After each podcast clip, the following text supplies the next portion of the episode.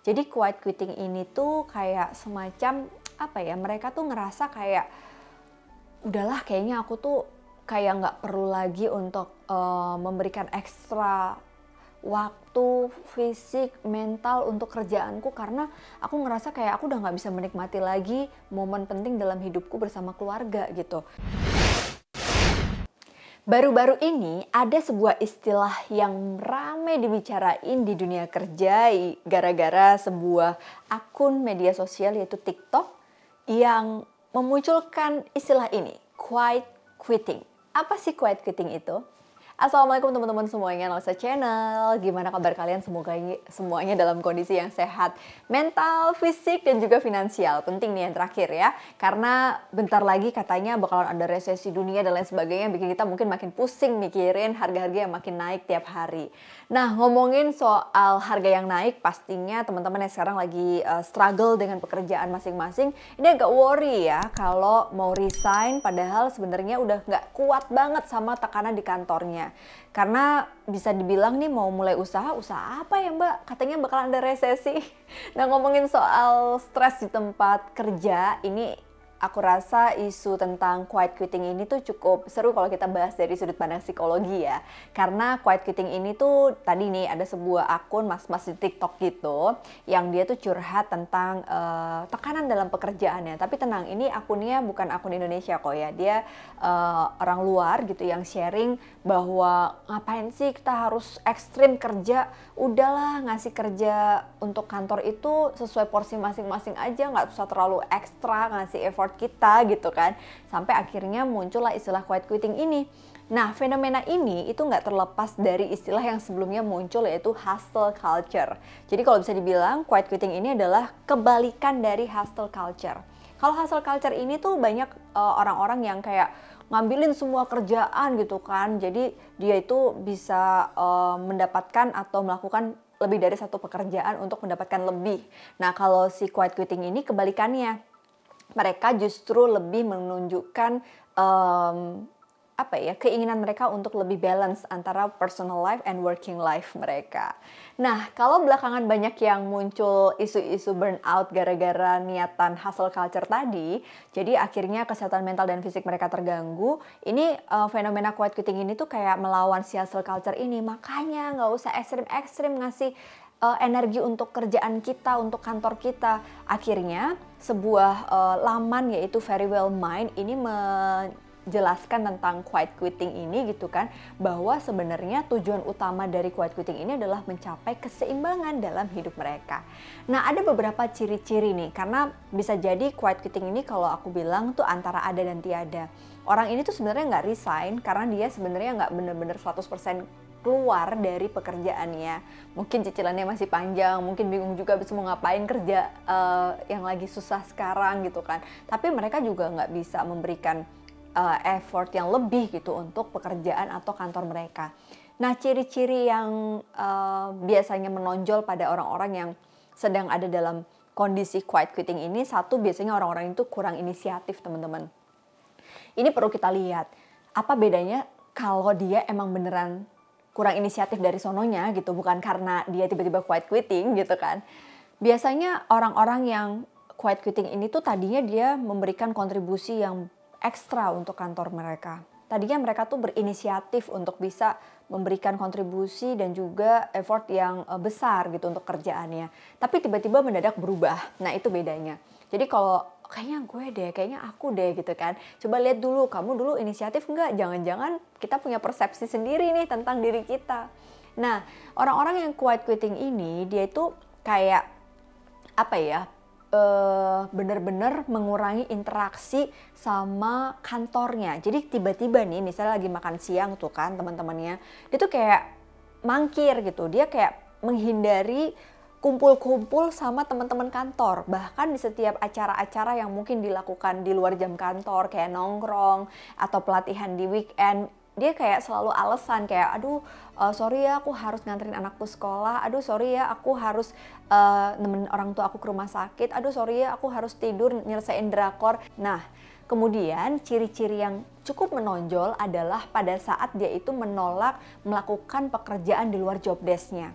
Nah, ini kayak yang paling kerasa itu kalau udah mulai nggak balas email, WA, terus setiap pulang itu selalu on time bahkan lebih cepat daripada yang lain. Dan sedikit banget gitu memberikan emosional mereka untuk pekerjaan. Jadi cuma yang penting bapak senang kerjaannya kelar dan dia nggak punya target yang terlalu tinggi untuk mencapai karir. Bahkan beberapa dari mereka menghindari promosi kerja untuk mencapai jabatan tertentu. Jadi kalau kita mulai merespon uh, apa ya susah merespon atau karyawan kita atau kita sendiri mulai tidak merespon WA atau email dari orang kantor, coba kita lihat jangan-jangan kita quiet quitting nih gitu. Terus yang paling kelihatan lagi adalah ketika dia pulang tepat waktu tadi. Mungkin tadinya dia ngerasa kayak ya udahlah ngapain sih harus lembur kalau bisa pulang on time. Dan paling parahnya kalau ada keinginan untuk resign. Jadi quiet quitting ini tuh kayak semacam apa ya? Mereka tuh ngerasa kayak udahlah kayaknya aku tuh kayak nggak perlu lagi untuk uh, memberikan ekstra waktu fisik mental untuk kerjaanku karena aku ngerasa kayak aku udah nggak bisa menikmati lagi momen penting dalam hidupku bersama keluarga gitu tapi sebenarnya kalau kita lihat quiet quitting ini kenapa sih bisa terjadi yang pertama bisa jadi nih ya quiet quitting ini tuh merupakan prinsip yang memang udah uh, dipegang sama pekerja itu bahwa setiap orang tuh ya kerja sesuai porsinya aja gitu. Dan aku rasa ini tiap orang berbeda-beda tergantung dari value dan karakteristik mereka. Apa yang mereka cari dalam pekerjaannya. Kalau memang yang dicari adalah pengalaman, ilmu, value yang memang mau kerja di mana pun akan selalu ada kayak gitu ya mungkin dia nggak akan ngerasa keberatan gitu. Tapi ada juga orang-orang yang punya idealisme bahwa ya aku tuh kerja ya udah ngerjain aja sesuai job deskku gitu. Yang kedua bisa jadi penyebabnya adalah ketika kemarin waktu pandemi kan kita sempat working from home. Memang jadi sulit ya teman-teman batasan antara kehidupan pekerjaan dengan kehidupan personal kita gitu kan. Semua kerja dari rumah. Nah pada saat tidak ada batasan waktu kerja di rumah itu, aku rasa ini menjadi salah satu pemicu yang paling besar ketika seseorang udah mulai di titik lelah sekarang dan mereka memutuskan untuk menjadi quiet quitting ini gitu.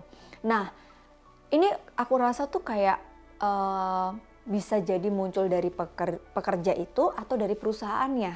Yang perlu kita kaji lagi bagaimana perusahaan itu memberikan kompensasi yang pas untuk karyawan mereka dan bagaimana juga karyawan ini memberikan kontribusinya. Udah pas belum untuk perusahaannya? Ini nggak akan ketemu kalau nggak ada komunikasi, makanya perlu disampaikan sebenarnya ke manajemen. Aku rasa tuh quiet quitting ini bisa ada beberapa sisi dampak positif negatifnya gitu ya. Mungkin dampak positifnya seperti yang aku lihat uh, di salah satu uh, tulisan Deloitte nih ya di Amerika, ternyata hampir 84% berdasarkan salah satu survei yang dilakukan oleh Deloitte, mereka itu orang-orang yang sekarang uh, bekerja, mayoritas pekerja di Amerika itu mereka mengalami burnout dan stres yang cukup tinggi pada saat mereka melakukan hustle culture tadi gitu kan. Waktu kerja mereka durasinya itu di luar dari kapasitas mereka sebagai pekerja.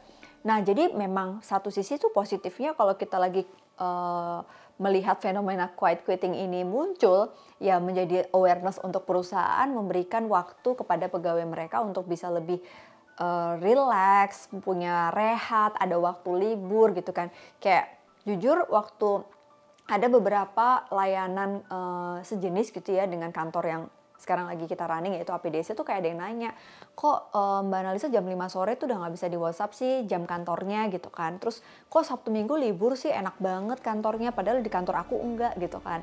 Aku tuh merasa ini menjadi tantangan karena kita memang provide jasa gitu ya dan bahkan tidak semua klien itu bisa memahami uh, pentingnya rehat untuk pegawai. Emang sih idealnya memang kita memberikan jasa itu dari hari Senin sampai hari Minggu non-stop. Tapi memang sekarang aku memutuskan untuk membangun ekosistem yang cukup balance gitu kan. Uh, kalau memang mau ada shift di weekend ya memang dia akan libur di hari weekdays gitu.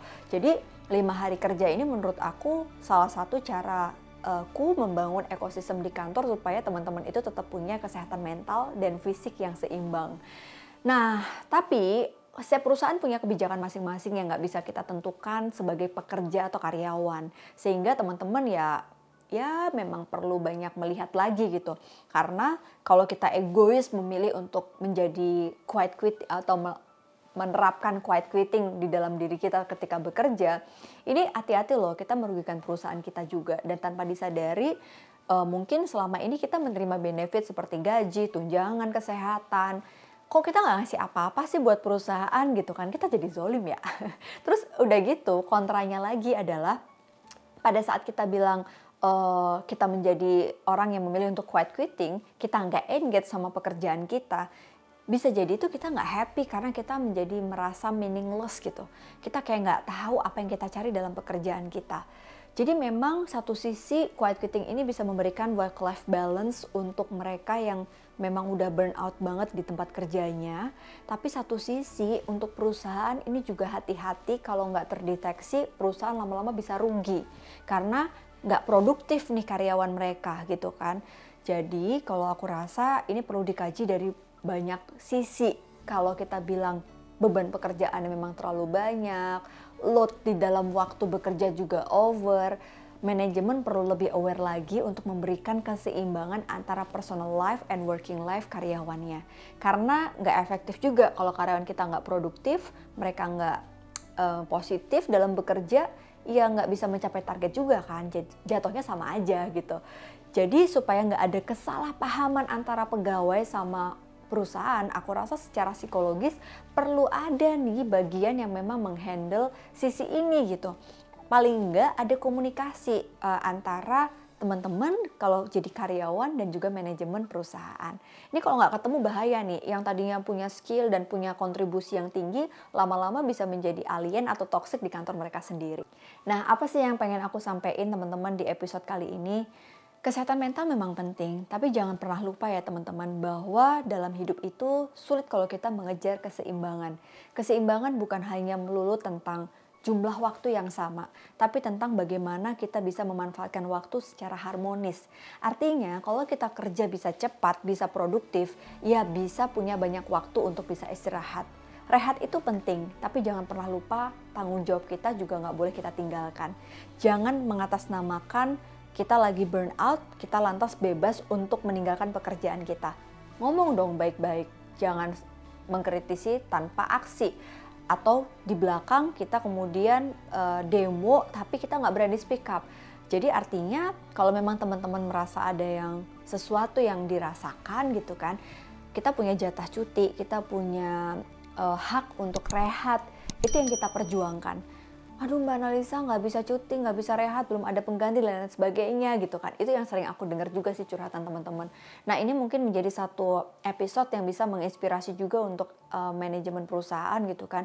Membangun ekosistem yang bisa sehat itu tidak hanya sekedar sehat secara finansial mencapai target, tapi juga kesehatan mental ini penting untuk kita perhatikan karena belakangan ini kesehatan mental ini bisa meningkatkan produktivitas perusahaan dalam mengejar target atau profit mereka. Jadi penting untuk kita membangun ekosistem. Bagaimana menghindari aktivitas di luar jam kantor atau di weekend yang memang jatah karyawan. Kalaupun ada aktivitas di luar waktu kantor, nah itu mungkin perlu dipertimbangkan untuk kompensasi yang uh, disepakati dua belah pihak. Nah, thank you buat kamu yang udah nonton episode ini ya. Semoga yang sekarang lagi ada dalam kondisi quiet quitting, segeralah menemukan value hidup kamu lagi supaya nggak meaningless di tempat kerja sendiri gitu cari kebermanfaatan dan kebermaknaan yang memang kita bisa lakukan dan ciptakan kebahagiaan dengan caramu sendiri. Assalamualaikum warahmatullahi wabarakatuh.